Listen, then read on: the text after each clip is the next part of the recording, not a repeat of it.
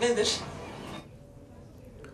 Hidayet Allah'a samimi iman etme yani aslında Allah'ın ruhunu taşıma. Allah'ın Hadi ismini tecelli etmesi. Allah Hadi ismiyle kimde tecelli eder? Hidayet Hadi'den geliyor, Mehdi'den gelir. Mehdi kelimesine bağlı bir e, kelime. Ee, yani o kişinin e, Mehdiyet vasfını kazanması, hidayet bulması.